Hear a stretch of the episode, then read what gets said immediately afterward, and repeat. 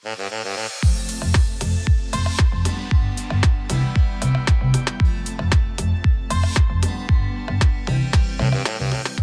Добро пожаловать на подкаст «Касса здоровья». С вами я, Маргарита Купченкова, специалист по коммуникации от «Кассы здоровья». У меня в гостях главный специалист отдела инфекционных заболеваний Департамента здоровья Ирина Филиппова. И мы сегодня поговорим о вирусных заболеваниях, как корь, краснуха и паротит, она же свинка, о возникновении этих заболеваний, о рисках и применении вакцин против этих заболеваний. Вот, Ирина, у меня вот первый вопрос, почему мы как бы вот эти все три вируса, да, назовем так, а, объединили в один? Ну, во-первых, вы правильно сказали, что все эти три заболевания вирусные. И это их уже объединяет. Конечно, эти вирусы не родственники, но все-таки э, их объединяют многие свойства. Э, во-вторых, э, против этих заболеваний нет специфического лечения. Вообще против вирусных заболеваний очень трудно создать лекарство, потому что вирусы всячески уворачиваются от действия лекарства. Они мутируют, они придумывают какие-то механизмы для себя, чтобы приобрести устойчивость. И поэтому очень сложно создавать лекарства против вирусных заболеваний. Поэтому это один из аргументов э, к тому, что эти заболевания лучше предупреждать, чем их лечить. Угу. В-третьих, эти заболевания объединяют то, что после переболевания ими возникает э, устойчивый пожизненный иммунитет. То есть человек, переболев единожды, больше никогда этим заболеванием не болеет. И последнее, самое главное, эти заболевания крайне заразны. Первое место по заразности занимает корь. Э, крайне заразное заболевание, вирус крайне летуч.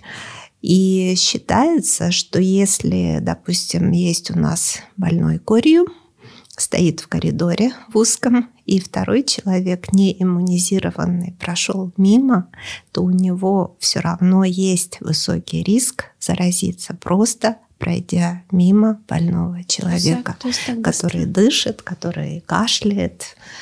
Э, или просто дышит, и, и все равно можно заразиться. Вот настолько он заразен. И эпидемиологи наблюдали очень много больных корью, много вспышек, эпидемий, и сделали такой вывод, что один больной корью а, может заразить в реальной жизни до 18 человек. Ничего себе. За период болезни. В зависимости от того, конечно, какое у него поведение, как он изолирован, а насколько хорошо иммунизированы его близкие. Но вот такая статистика. А есть у нас какая-то статистика, какие вот вспышки кори были вот в Эстонии, например? Э, да, у нас, конечно, есть такая статистика. Я бы начала даже не с Эстонии, а с Европы потому что Европу время от времени потрясают огромные вспышки или даже, можно сказать, эпидемии кори. Э, ну, поскольку все европейские страны уже внедрили в свой иммунизационный календарь вакцину против кори в том числе, э, детей вакцинируют против кори.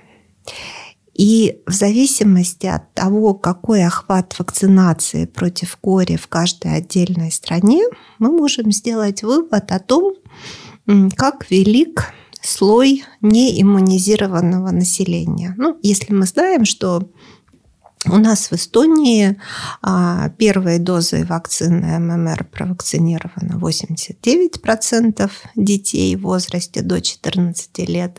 Значит, мы проведя простое арифметическое действие, можем сказать, что, например, 12 тысяч детей в возрасте до 14 лет являются э, потенциально восприимчивыми к кори. И вот в каждой стране есть такая статистика, и в тех странах, где охват вакцинации падает ниже определенного процента, ну, как показывает практика, это где-то 80-75%, уже накапливается очень большое количество неиммунизированного населения. И поскольку вирус крайне заразен, стоит заболеть одному человеку, от него заражаются сразу другие неиммунизированные люди. И заболевание очень быстро распространяется по всей стране и за ее пределы, потому что люди мигрируют, и, и больные, и здоровые. И поэтому вот эта э, корь, она распространяется необычайно быстро, то есть у нее большой потенциал к эпидемическому распространению. И э, как только это происходит, заболевает огромное количество людей, э, переболевая, люди при, приобретают пожизненный иммунитет. И кроме того, государство предпринимает всегда шаги на ликвидацию вот этой вспышки или эпидемии, проводятся дополнительные вакцинационные кампании, вакцинируются люди массово. И таким образом опять э, в государстве повышается количество людей иммунизированных. Вспышка спадает. Потом опять приходит новая генерация, опять часть остается непровакцинированными, нарастает, нарастает, нарастает процент неиммунизированного населения. Опять стоит одной спички э, попасть, и вспыхивает опять пламя эпидемии. И поэтому Европу время от времени поражают вот такие большие вспышки. И если мы вернемся назад немножко, Э, скажем, 2005-2006 год, огромнейшая вспышка на Украине. И поскольку украинцы очень активно мигрируют по Европе в поисках работы, ну, мы знаем, какое у них э, всегда было экономическое положение, то это все разносится очень быстро по Европе. Э, прошла эта вспышка, было пару лет спокойных, 2009 год, Болгария – огромная вспышка кори. Причем болгарская вспышка была очень интересная. Э, мы знаем, что э, в Европе... некоторых европейских странах э, очень много живет людей цыганской национальности. И их характерная особенность это то, что они в основном не вакцинируют своих детей. И вот еще, скажем, 15 лет назад это была огромнейшая проблема для Европы. Дело в том, очень важно, как э, э, живут эти неиммунизированные люди. Если они диссеминированы по всей стране, как бы сказать, равномерно, то нет такой опасности. А если они живут компактно в какой-то определенной области или в каких-то коммунах, то вероятность распространения заболевания в этих, вот как их называют по-английски pockets, карманы неиммунизированного населения, вот вероятность распространения здесь намного выше. И что случилось в Болгарии? В Болгарии э, вся вот эта большая эпидемия началась с одного случая, когда цыган вернулся из Германии к себе домой в Болгарию, уже больной, и у него не было характерных признаков кори, была просто высокая температура и очень тяжелое состояние. И он попадает в больницу. И поскольку у него отсутствовали такие специфические признаки кори, как сыпь и очень сильный конъюнктивит, то врачи э, сначала не подумали о том, что это может быть корь. Ну, это признаки очень многих заболеваний, температура, плохое самочувствие. И он попадает в терапевтическое отделение, то есть отделение, не приспособленное для инфекционных больных. И поскольку цыгане люди такие очень сплоченные, и они э, навещали своего родственника очень активно, а, и через несколько дней болезнь распространилась по трем направлениям. Первое направление это было цыганское – стали заболевать цыгане, а поскольку они люди активные, э, любят передвигаться, это очень быстро разошлось везде. Вторая линия – это были медработники этой больницы, тоже среди них были не иммунизированные, они заболели сами, заразили своих пациентов, своих родственников, э, коллег – и третья линия – это сами пациенты, которые лежали там в этом же отделении. Они тоже выписывались, заражали своих родственников и так далее. И эта эпидемия мгновенно распространилась по всей стране за ее пределы. И ее удалось купировать только в конце 2010 года – были проведены множественные вакцинационные кампании в стране и в Европе, и удалось эту эпидемию как-то купировать. И вот такие эпидемии время от времени возникают в Европе. И, конечно, это не может не отразиться на Эстонии. Если говорить об Эстонии, в Эстонии десятилетия была очень хорошая такая стабильная ситуация по коре. Охват э, вакцинации против кори был у нас всегда очень высокий. И в течение последних 20 лет ситуация была такая, что местного распространения у нас практически не было. У нас были, и то не каждый год, единичные какие-то завозные случаи. Скажем, едет эм, неиммунизированный человек в отпуск и приезжает оттуда больной. И поскольку вокруг в основном люди иммунизированные, эти единичные случаи у нас не получали распространения. Но были исключения. Например, 2006 год.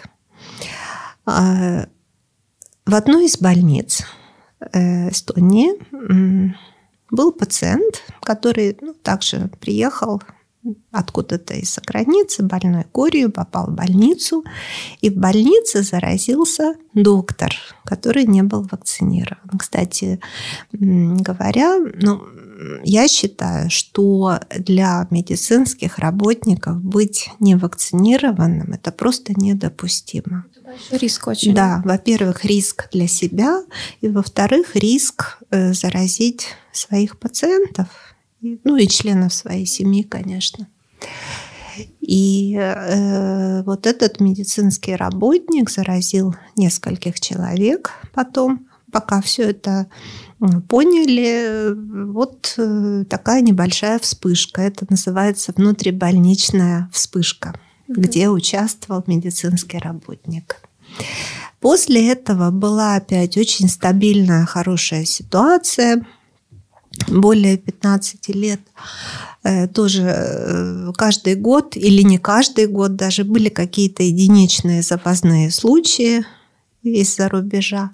Но э, местных эпидемий, вспышек и местных случаев не было. И вот наступает 2017 год. В Европе очередная эпидемия кори. В 2017 году количество случаев было 115 тысяч примерно в европейском регионе. Причем э, лидировали э, постсоветские государства, такие как Украина, Казахстан, Кыргызстан, Узбекистан, э, Грузия, Румыния. Очень много случаев было во Франции, в Германии. И, конечно, это эпидемия европейская не могла не повлиять на Эстонию. Э, но повлияла она не сразу, надо сказать. Э, в Европе это все случилось в 2017 году в конце. В 2018 эта вся ситуация продолжалась, но в Эстонии было относительно спокойно. В Эстонии было 10 случаев в 2018 году, причем два из них были завезены из Тай – мать и дочь ездили в отпуск, обе не вакцинированные и привезли заболевание. Но заболевание дальше распространения не получило, так как в школе дети были провакцинированы и э, среди э, знакомых друзей тоже, очевидно, все были как-то иммунизированы. И в 2018 году была одна интересная вспышка на Сарема, которая э, охватила 8 человек. Э, там тоже было очень интересно. Человек ездил в отпуск в Бангладеш, приехал в Эстонию, вел себя очень активно после приезда, но на какой-то день почувствовал себя плохо – Э, пришел в местную больницу сдавать анализ крови на то, чтобы поставить диагноз, и э, заразил медицинского работника. То есть повторно получается ситуация, да, у нас? Э, да, уже второй случай появился. Этот медицинский работник со своим ребенком, будучи еще в продромальном периоде, но уже заразен, то есть э, не знав, что, что болен, э, пошел в садик на праздник, где присутствовало 180 человек. Ничего себе. И ну, вот это такое совпадение, эм, как говорят, эм, что закон подлости, когда есть какой-то инфекционный больной, всегда происходит какой-то праздник, куда он попадает, и, и есть вероятность заражения других людей. Но, к счастью, видимо, на празднике присутствовали дети и родители, которые были в основном проиммунизированы и после этого праздника заболело только 6 человек из 180. Причем 4 эм, взрослых, 2 ребенка, все были не иммунизированы, кроме одной девочки, которая была частично иммунизирована. И, э, конечно, Департамент здоровья в этот момент сделал все для того, чтобы эту вспышку локализовать, чтобы заболевание не пошло дальше. Для этого нам пришлось выяснить все контакты, все контакты контактов, провакцинировать всех, кто как-либо контактировал с этими людьми. Это была огромная работа, и в этом участвовал не только Департамент здоровья, но и местные семейные врачи, э, местная больница, были сделаны для врачей всевозможные руководства. Во все больницы были розданы дозы ММР-вакцины, чтобы контактные могли приходить и вакцинироваться быстро, потому что очень важно после контакта в течение 72 часов провакцинировать человека. Тогда э, с большей вероятностью можно заболевание предотвратить с каждым последующим днем эта вероятность увеличивается. Поэтому здесь важно очень быстро найти эти контакты и обеспечить их вакцинацию. И вспышка была локализована, так сказать, на корню и не пошла дальше – Хороший результат, скажем так, 6 человек из 100. Это очень хороший результат. Это показывает то, что уровень иммунизации нашего населения достаточно высок, потому что вирус находит моментально неиммунизированных людей. Он очень-очень заразен. Ну вот я всегда почему-то думала, что это такая болезнь, которой болеют только дети. Но я так понимаю, что она и если ты и взрослый, и не был вакцинирован, то есть да, она... абсолютно, абсолютно. Эта болезнь поражает абсолютно всех. И, э, кстати, статистика 2019 года показывает то, что, что да, это болезнь взрослых тоже. Э, у нас было в 2019 году 27 заболевших, и они все были взрослые. Там было, по-моему, пару детей, но они были не иммунизированы.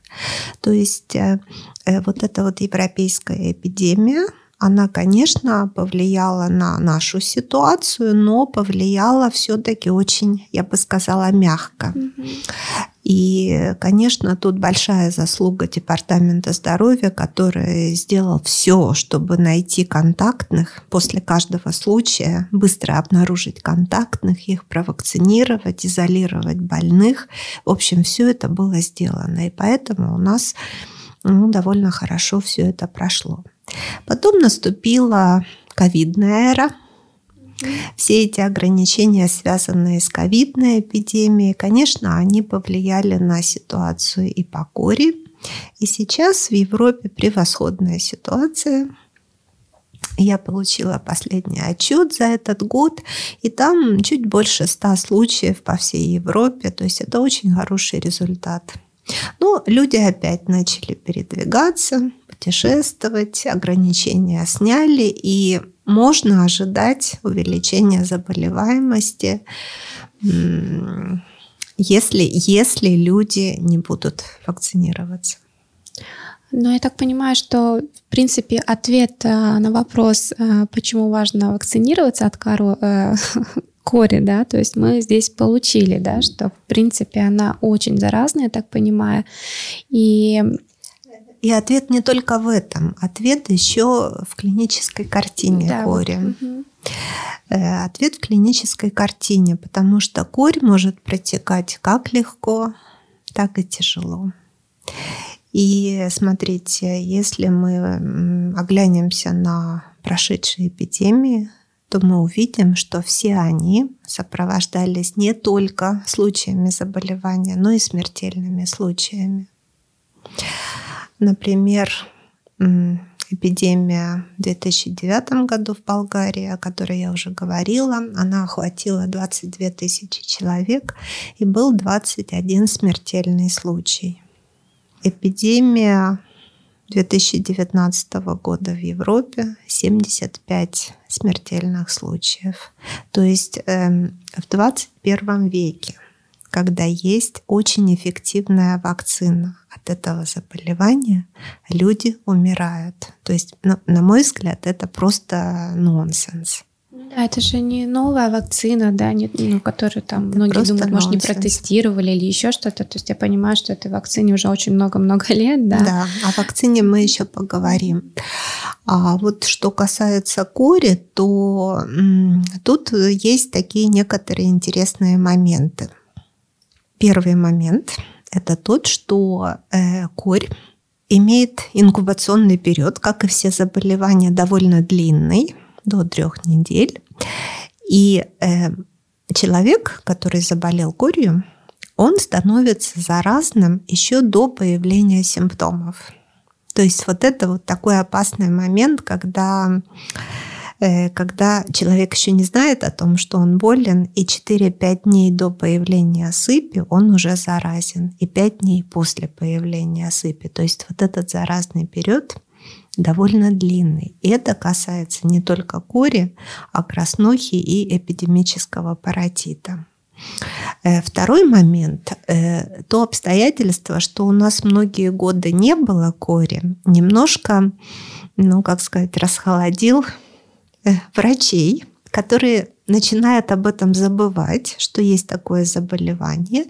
И когда обращается больной, скажем, с температурой, с плохим самочувствием, ну, первое, что приходит в голову, это ну, какое-то острое респираторное заболевание. И очень важно, когда э, врач обращает внимание на какие-то характерные симптомы кори. Ну, например, у кори есть такой характерный симптом э, пятна коплика. Это э, такие беловатые пятна, которые возникают на слизистой внутренней стороны щеки если от, отодвинуть э, щеку и посмотреть такие характерные пятна коплика. Э, также характерный симптом очень сильный конъюнктивит наряду с высокой температурой, насморком, кашлем. Очень сильный конъюнктивит, то есть воспаление глаз и светобоязнь. Тоже уже можно подумать, что а вдруг корь. Mm-hmm. Ну и, конечно, сыпь. У кори очень характерная сыпь. Она появляется через несколько дней после начала других симптомов и начинается сверху вниз. Начало щеки, шея, тело, руки, ноги. И эта сыпь держится некоторое время и э, спадает в таком же порядке, снизу вверх. И вот эта сыпь, она уже, конечно, заставляет э, врача думать о том, что это может быть корь. Э, и тут еще очень важен анамнез, то есть опрос больного. Если больной температурой, э, с какими-то такими общими симптомами, как кашель, чихание, насморк, э, то очень важно спросить, не было ли у тебя последние 10 дней, скажем, контакта с больным сыпью. Хороший вопрос, да. И человек э, часто вспоминает, что да, я вот контактировал с человеком, у которого была какая-то сыпь на лице. Но на других частях тела очень тяжело увидеть при общении, mm-hmm. а вот на лице э, это можно заметить. И это тоже уже заставляет доктора думать о том, что, а может быть, это что-то связано с корью или краснухой. И тогда дополнительно анализ крови помогает поставить этот диагноз. У меня сейчас просто возник вопрос, может быть, он такой э, не к теме, ну как к теме. Э, ну вот человек, да, заболел, ну чувствует, обратился к врачу, э, не высвечивается ли, не записано ли а, от чего отвакцинирован человек, то есть, ну, неважно, там, сколько ему лет, там, 20, 30, 50 или 3 года, да, то есть э, у нас же есть вот э, обязательные вакцины, да, то есть где-то же должна эта информация э, храниться. Знаете, это очень хороший вопрос, потому что если к врачу пришел больной с подозрением на какую-то инфекцию, врач должен бы посмотреть эту информацию в истории болезни больного в его ну, карте.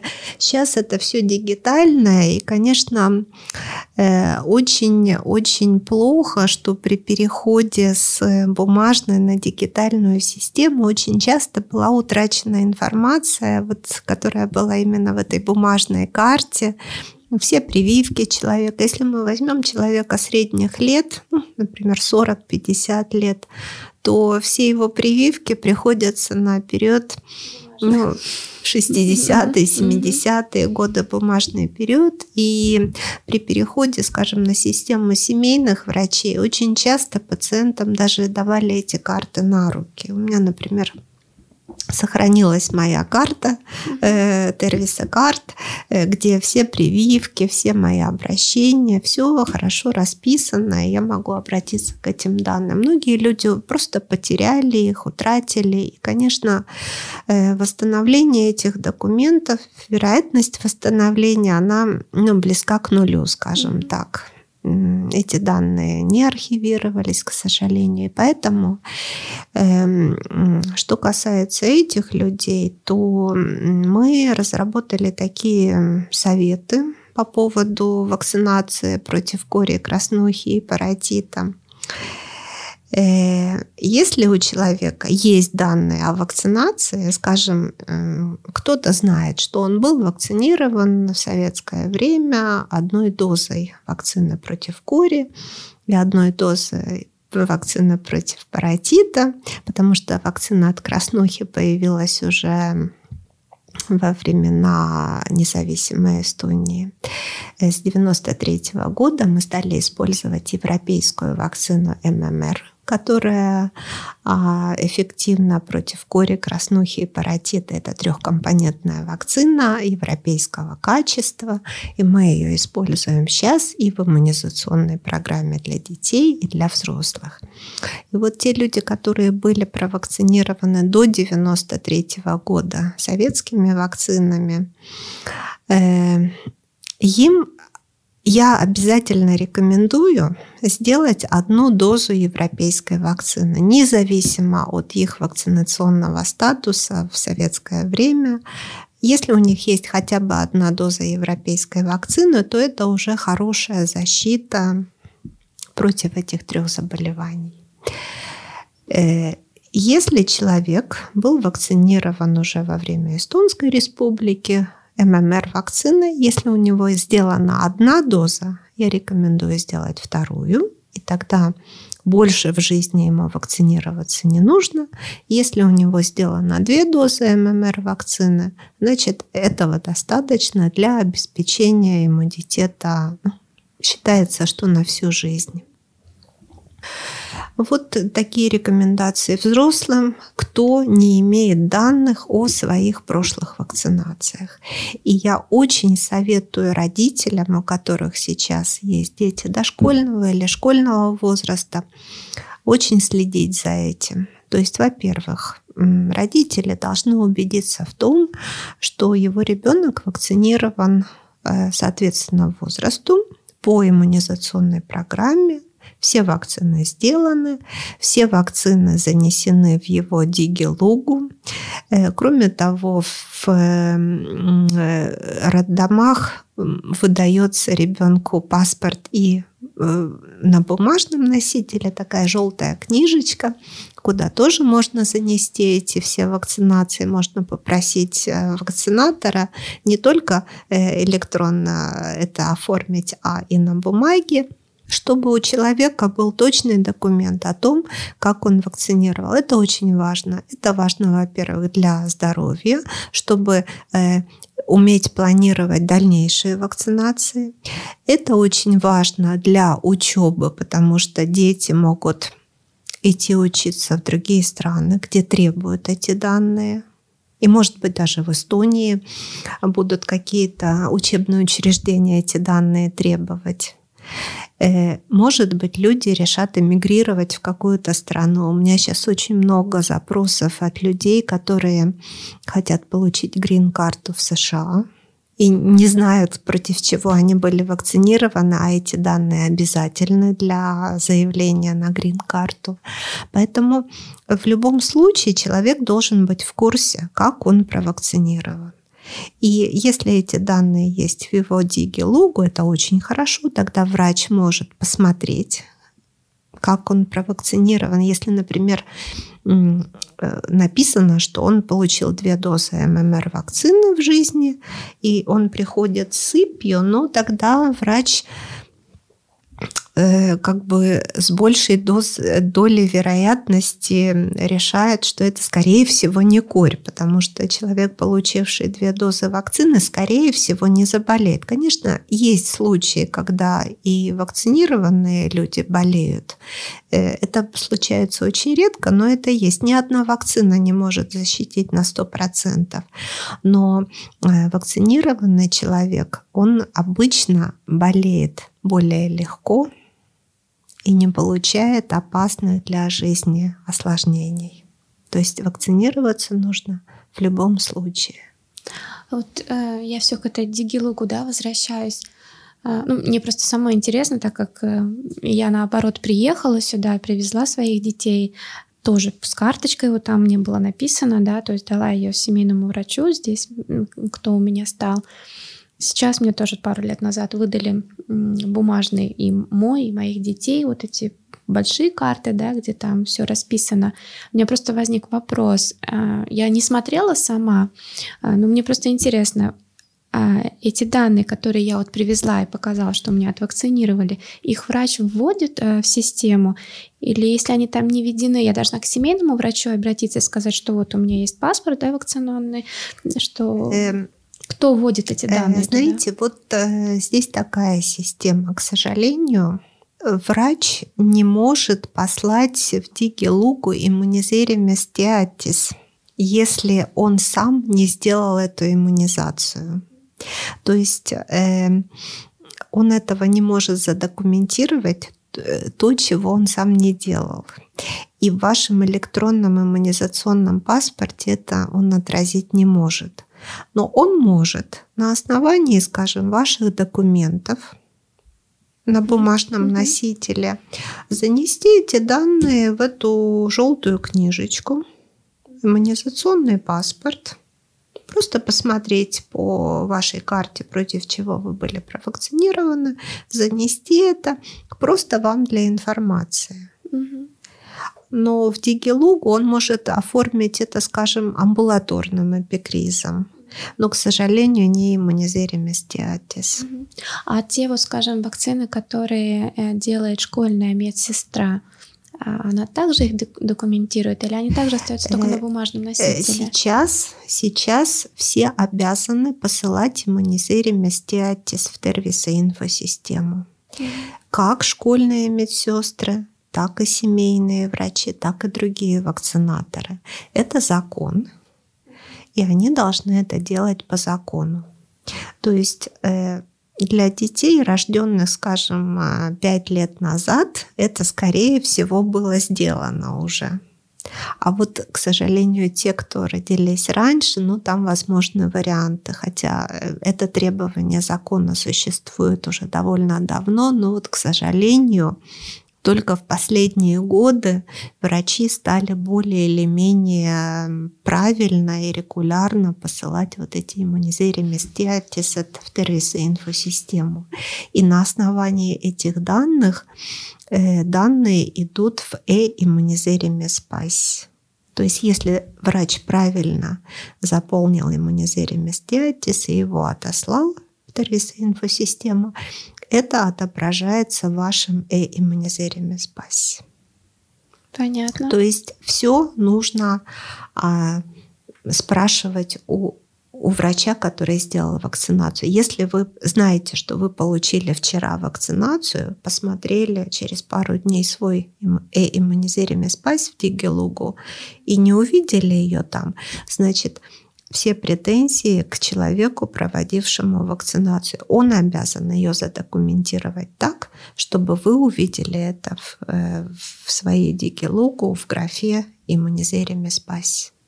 Ну, я просто на этом за, зациклила немножко внимание, потому что меня это как бы лично коснулось, вот, так как дети были изначально не в Эстонии вакцинированы, а приехали сюда уже в возрасте трех лет.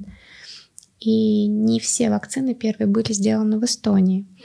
И сейчас, скажем, когда мы начинаем школу заканчивать, а, у медсестры возник, э, школьной медсестры возникли вопросы, а эта вакцина сделана у вас или нет? Я вроде знаю, что мы были да, да, дали согласие на все вакцины в той стране и в этой стране. И у меня как бы остался вопрос открытым, потому что я не знаю, я не могу вспомнить 15 лет назад, сделала я эту а, вакцину. А, ну, у вас осталась какая-нибудь тервиса карта бумажная? А, да, она у меня даже в посольстве поставлен штамп, что, что это документ правильный и все. Но я не нашла просто в Дигилугу нигде информацию, какие вакцины сделаны моим детям даже здесь в Эстонии. То есть получается, и, ну, естественно, мы отвакцинировались еще раз. Я так понимаю, что, возможно, это была повторная вакцина, скорее всего, потому что иначе бы мы, наверное, в школу не попали, потому что перед тем, как э, идти в школу, у нас требовали вот эти, чтобы были все вакцины сделаны. Но это, это упущение вот вакцинатора, который вакцинировал ваших детей, mm-hmm. что значит, он неправильно документировал эти вакцинации, ну, вот что они не пошли mm-hmm. в иммунизируемый Потому что я, как, я понимаю, что я такая не одна, с кем там со знакомыми не разговаривала, тоже у кого дети. А, у многих вот этот момент, что они на бумажке там, ну, потеряли, переехали, да, то есть они не могут найти.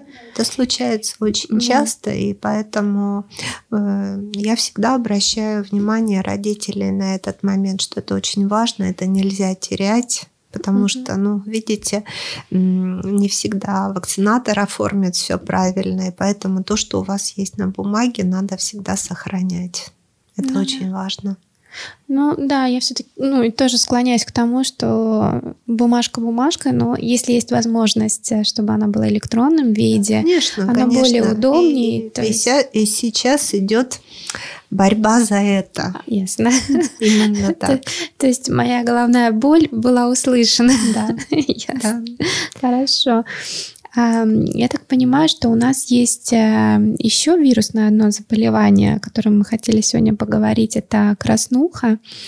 А вот как происходит заражение вот этим заболеванием и какая вот клиническая картина?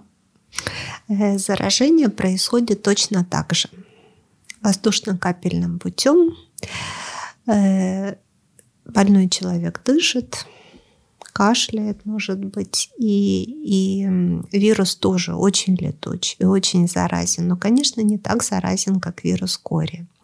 Если о вирусе кори я уже говорила, что больной корью может в реальной жизни заразить до 18 человек, то э, больной краснухой заражает 6-7 человек так в среднем. Но опять же, все зависит от того, какое количество неиммунизированных людей вокруг больного и как хорошо он изолирован. Кстати, вот об изоляции больных как корью, так и краснухой, так и паротитом. Если э, человек заболел, у него температура, у него кашель, ну и какие-то другие признаки заболевания, это означает то, что его по возможности нужно изолировать от других людей в любом случае, чем бы он ни заболел. Будь это грипп, будь это другое какое-то острое респираторное заболевание, краснуха, корь, все равно. Больной человек, он, ну, как правило, всегда опасен для окружающих. И вот именно первые дни болезни самые опасные. И поэтому, если а, больной краснухой, а болезнь начинается, собственно, так же, как э, и, и у многих других заболеваний, высокая температура, плохое самочувствие, через пару дней появляется характерная сыпь, э, врач поставил диагноз краснухи, это означает то, что этот больной должен быть каким-то образом изолирован. Если его состояние тяжелое, его отправляют в инфекционную больницу, там есть специальные условия для изоляции этих больных. Если он э, дома, то э, его надо обязательно, если позволяют условия, изолировать в отдельную комнату, Э, проветривать помещение, соблюдать гигиену рук, дыхательную гигиену и обеспечить доступ к этому пациенту лишь людям, которые иммунизированы против этой болезни. То есть эм, либо вакцинирован, или переболел. Или переболел.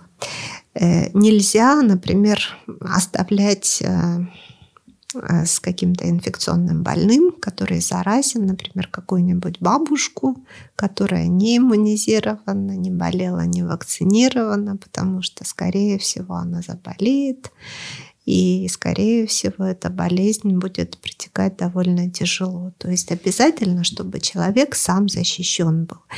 Если ты знаешь, что у тебя в семье, например, больной корью или краснухой, и ты не вакцинирован, сейчас же на вакцинацию, потому что первые три дня сделанная вакцинация с большей долей вероятности защитит тебя, и только тогда ухаживать за этим пациентом, чтобы не было такого, что возникают семейные очаги заболевания, и все больные, и некому, некому ухаживать. Э, и говоря о краснухе, я хочу обратить внимание на один момент. Э, смотрите, не зря э, в детскую иммунизационную программу введена эта вакцинация против кори, краснухи и эпидемического паротита. По программе мы вакцинируем детей в возрасте 1 год и 13 лет. Э, Наша иммунизационная программа отличается от э, программ многих других европейских стран тем, что у них первая доза делается в возрасте одного года, как и у нас, а вторая до школы. У нас же это делается в 13 лет. Э, почему?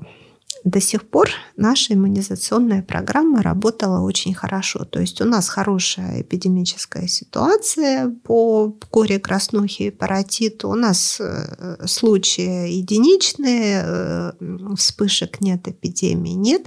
Наша программа работает хорошо.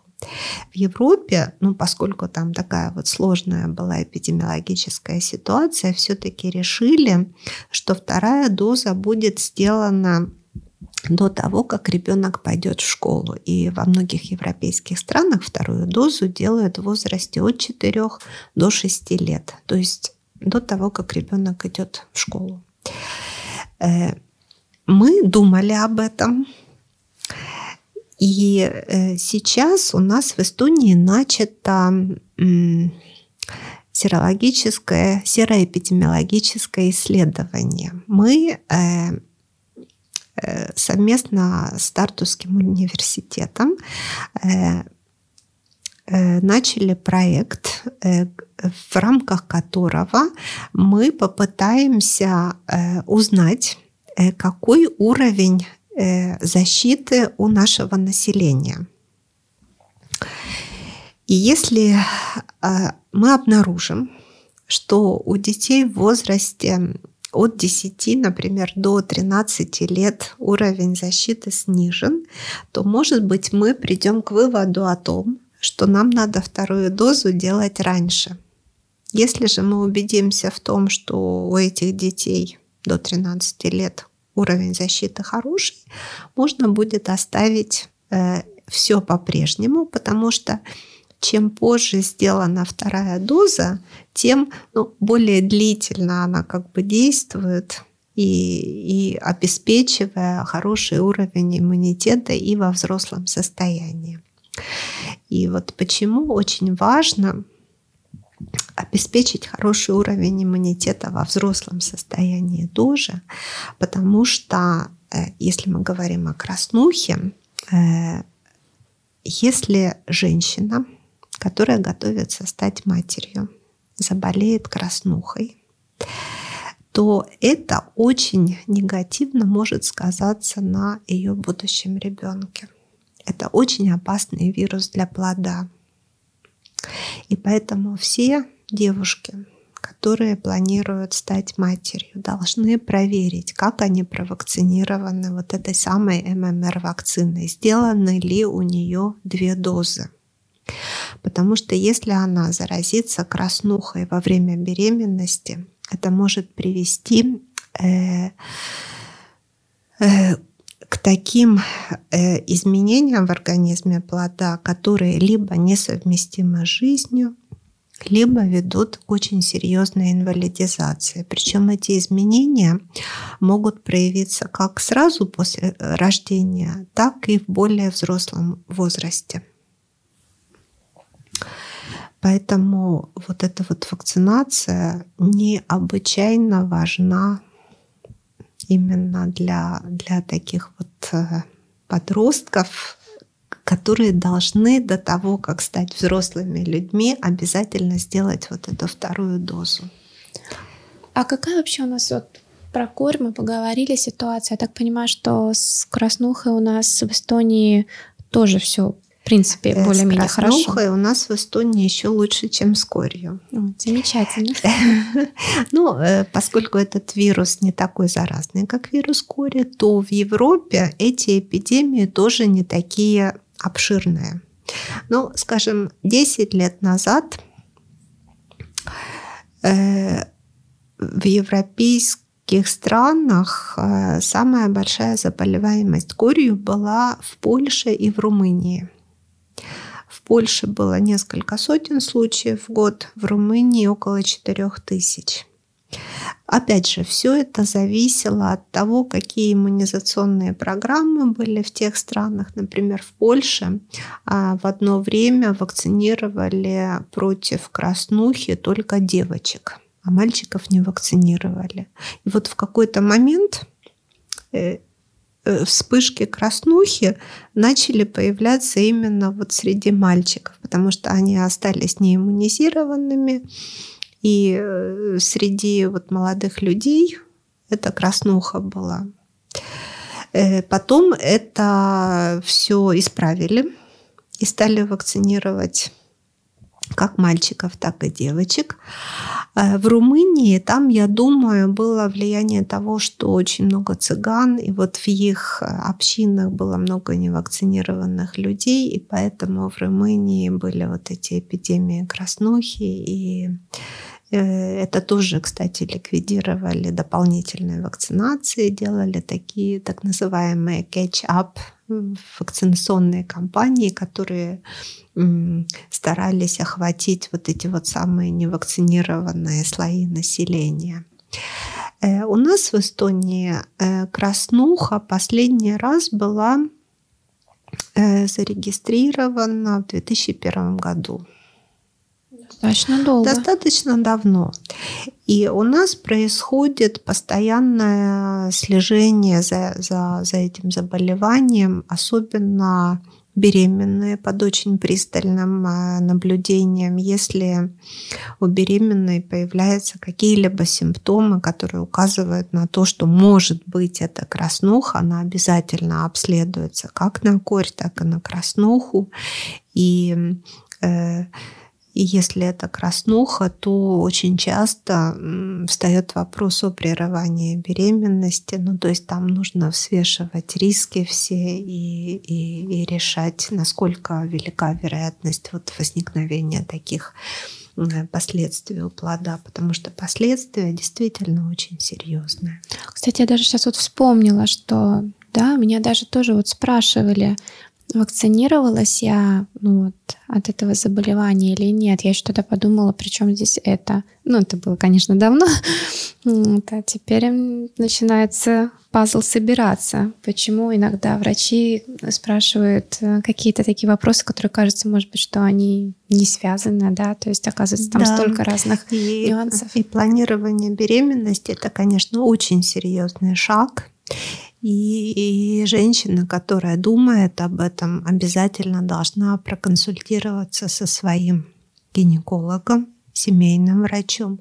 И в частности также по поводу того, против чего ей стоит провакцинироваться до беременности. И, конечно, тут надо рассмотреть очередную вакцинацию, например, против дифтерии, столбняка и коклюша так как это очень э, важно для, для будущего ребенка. Например, коклюшный компонент, полученный во время беременности, защищает э, малыша до полугода, ну, во всяком случае, до трех месяцев точно от коклюша. А мы знаем, что коклюш очень опасен именно для этих вот совсем маленьких детей, потому что именно э, смертельные случаи именно в этой возрастной группе бывают, когда сильный кашель, это приводит к асфиксии и, и, и заканчивается вот иногда смертью. Э, беременная должна обязательно подумать о вакцинации против вирусного гепатита. И, кстати, все беременные обследуются на зараженность вирусным гепатитом Б, так как э, этот вирус может передаваться во время родов от матери к ребенку. Угу. Это должно быть сделано. Обязательно ММР-вакцинация, где самый главный компонент это, это краснуха. Угу. Э, вот так. А вот про корь мы говорили, что вот как узнал, да, что был контакт там день назад, ну, до 72 часа, да, то есть э, стоит отвакцинироваться сразу. А как с краснухой? То есть если там узнал, что вот, например, скажем, я не вакцинирована от краснухи, ну, допустим, и, и мне позвонил кто-то и сказал, мне подтвердили это, мне ну, стоит сразу бежать, отвакцинироваться или с краснухой это не Знаете, работает? вакцинация не ухудшит ситуацию. Стоит бежать и стоит вакцинироваться. Конечно, нету э, стопроцентной гарантии, что вы предупредите этим заболевание, но э, какая-то вероятность есть. И э, контакт не является противопоказанием к вакцинации. Вы можете провакцинироваться в любом случае. И кроме этого вы приобретете еще защиту от кори и от э, паротита. У меня вот возник вопрос, я так понимаю, что детям, да, вот э, с определенного какого-то а, года, да, у нас а, ввели определенные вакцины, их вакцинируют, это все делает а, семейный врач, я так понимаю, да? Там, Дошкольников да. вакцинирует семейный врач, школьников, школьная, школьная медсестра или семейный врач, если он выполняет функции школьной медсестры, mm-hmm. скажем mm-hmm. так. А что вот делать взрослому, да? Вот я, например, взрослый человек, а, захотела все-таки, ну вот не знаю, была я вакцинирована или нет. Я обращаюсь к своему семейному врачу. А, мне эти вакцины платные или я уже как бы все-таки получаю их вот Э, для вас э, эти вакцины платные, да, да к сожалению. Э, и вы можете получить их не только у семейного врача, но и в любом другом вакцинационном пункте, где эта вакцина есть. Хорошо, если у вас есть данные о прошлых вакцинациях, например, о том, что вы были в школе провакцинировано хотя бы одной дозой, тогда вам достаточно одной дозы сейчас сделать. Если же у вас есть данные о том, что у вас сделаны две дозы, значит, вам больше не надо вакцинироваться. Если у вас две дозы ММР вакцины, у вас какой год рождения? А 85-й? 85-й. Э, ну, э, в этом случае, возможно, вы получили хотя бы одну дозу ММР вакцины, так как она э, стала применяться у нас в Эстонии с 93 года. И, возможно, э, первая доза была сделана вам вакциной российского производства, а вот вторая доза, которая была в 13 лет, возможно, это уже была ММР. Поэтому вам стоит подумать о том, чтобы сейчас сделать себе одну дозу ММР вакцины – и тогда у вас будет полный комплект и уверенность в том, что вы хорошо провакцинированы. Ну да, это мне такую, э, скажем так, дает мысль, да, скажем, когда-то же у меня будут внуки, чтобы я их не заразила маленькими, да, то есть я же не знаю. Абсолютно, это очень верная мысль, это называется э, стратегия зонтика. Ну да, да. Э, когда э, есть младенец, который еще не подлежит вакцинации, потому что мы можем вакцинировать только с определенного возраста. А вокруг него, как зонтик, все вот эти люди, члены семьи, бабушка, дедушка, мама, папа, сестра, брат, все они провакцинированы. Тогда есть э, уверенность, что э, этому ребенку никто не принесет возбудителя заболевания. Mm-hmm. Это очень верная мысль. Ну, вот я сейчас так думаю, что что мы там проговорили, да, в начале, что получается, что я же могу тоже принести когда-нибудь это заболевание, если я не, не уверена, была ли я вакцинирована. Да, это абсолютно правильно. Тем более сейчас люди столько путешествуют, может быть, раньше не так много, и а сейчас так тем более. Э, кстати говоря о том, что как вакцинируются дети, этой вакциной. Эм, первая доза делается в возрасте одного года. Э, и это не просто так. Э, дело в том, что в возрасте одного года иммунная система ребенка уже готова э, адекватно реагировать на вакцину, то есть вырабатывать иммунитет. Если ребенок моложе, то э, иммунная система еще не совсем к этому готова. И вот если случается ситуация, что, допустим, семья должна ехать э, в какой-то регион мира, где очень неблагополучная ситуация по коре, и, скажем, в семье 9-месячный ребенок – то есть возможность провакцинировать все-таки этого ребенка ММР вакциной для того, чтобы он поехал в этот регион и не заразился корью или заболел ну, наиболее легко. Но когда ему исполняется один год, ему надо сделать эту дозу по иммунизационной программе, то есть та первая, которая была сделана, она была сделана, ну, как бы э, кава вялисельт э, вне программы в связи с эпидемиологической э, нуждой. А первая доза должна быть сделана в год по программе, и она будет считаться первой дозой, и вторая доза должна быть сделана в 13 лет. Mm-hmm. У нас остался паратит, да? да паратит. я знаю как свинку. Вот. Э, как вот как происходит э, заражение этим вирусом и клиническая картина и вот. Ну, заражение происходит, собственно, точно так же. Вирус передается воздушно-капельным путем, тоже летуч, тоже заразен, но еще менее заразен, чем краснуха.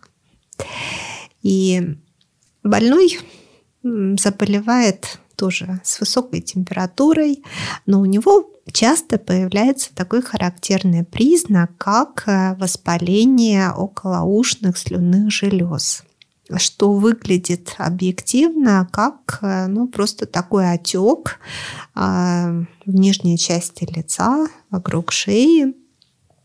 И этот отек мешает жевать, мешает глотать. Э, кожа вместе отека такая становится натянутая, блестящая. Э, и больной чувствует себя плохо, но не всегда. Считается, что примерно половина случаев может протекать легко или бессимптомно. Но вот опять же, э, плохо то, что больной заразен примерно 6 дней до появления симптомов и еще недели-две, э, по крайней мере, 9 дней после возникновения симптомов.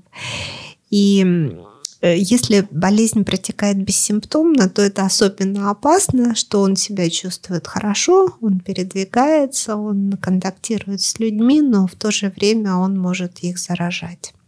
Если же болезнь манифестная, то есть с симптомами, то тогда обращение к врачу, анализ крови, диагноз, изоляция больного, опять же, и желательно, чтобы доступ к этому больному был у иммунизированных людей. И болезнь длится до, до выздоровления, по крайней мере, дней 10, две недели. Кроме воспаления околоушной э, слюной железы, может быть воспаление и других слюнных желез, может быть воспаление вообще других желез организма. Это поджелудочная, это щитовидная, это грудная железа. И вот что а, особенно опасно, например, у мальчиков может быть воспаление э, половых желез, и это может привести в будущем, когда мальчик станет мужчиной, к бесплодию. И поэтому опасно, когда болеют э, паротитом мальчики. Если у них возникает вот это воспаление, то, то потом оно может впоследствии дать свои, так сказать, результаты. И кроме того, в очень тяжелых случаях могут возникать осложнения, такие как э, пневмония, поражение почек, даже диабет может быть вследствие поражения поджелудочной железы, а, может быть менингит, энцефалит, но это уже такие крайние случаи. Поэтому обращение к врачу важно, поддерживающая терапия важна и, конечно, изоляция больного.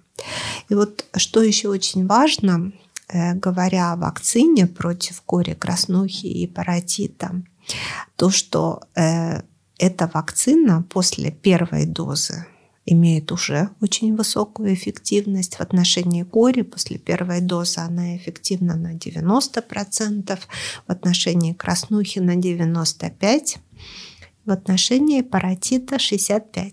А, да После второй дозы э, корь и краснуха более 95%, ну практически 100%, эффективность, очень эффективная вакцина против паротита 80%. Все равно меньше 90%, То есть, да? э, вирус паротита вот э, такой, ну, не, не, не очень хорошо, так сказать, контролируется вакциной.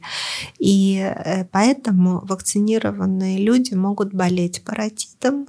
Но я опять повторяю, это касается и других заболеваний, что вакцинация все равно нужна, потому что люди провакцинированные болеют легче, и у них не возникает, да, вот таких тяжелых последствий, поэтому вакцинироваться все равно нужно. Угу. А есть еще какие-то вот советы по вакцинации для вот взрослых, помимо того, что вот мы уже тут обсудили? Э, вы имеете в виду по другим заболеваниям? А, ну, даже вот хотя бы по этим заболеваниям.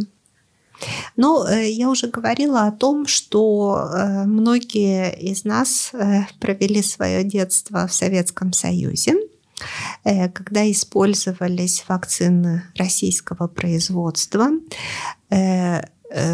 Качество этих вакцин не всегда было стабильное.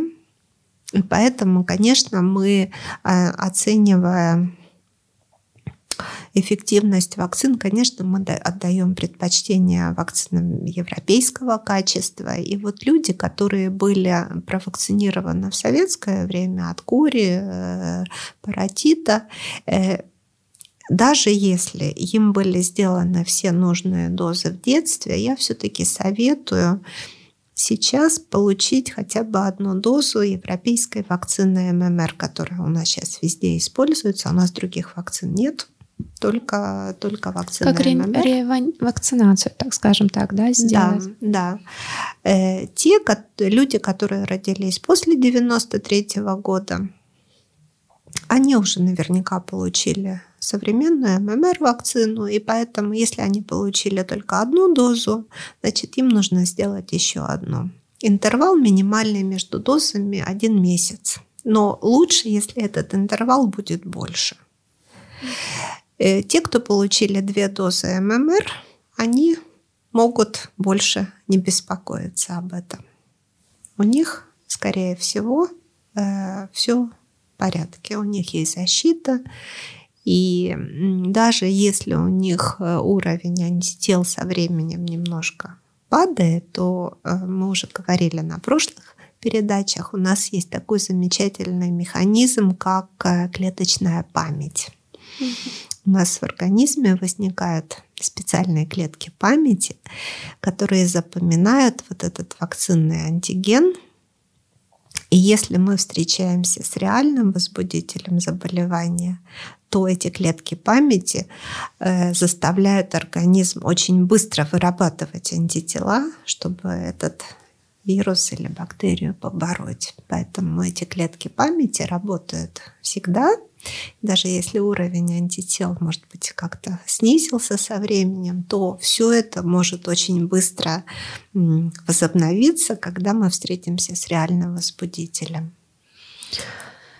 Ну, наверное, как-то надо подытожить, да, вот, э, не знаю, с, каждым, с каждой передачей я получаю все больше и больше новой информации, вроде как в этой сфере крутишься, вертишься, но все равно есть нюансы, которые или там не задумываешься, или еще что-то, да, то есть э, что и вот для себя с сегодняшней такой дискуссии, да, вывела то, что нужно все-таки перепроверить, вакцинирована я, не вакцинирована, где это записано, как это записано.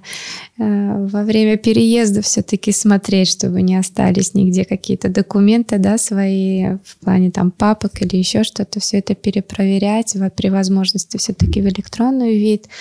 А, также задумываться и о будущем, да, что одно дело ты думаешь о своем здоровье, но все-таки и окружающие тебя родные люди, да, то есть э, могут э, заболеть, если ты сейчас не подумаешь об этом.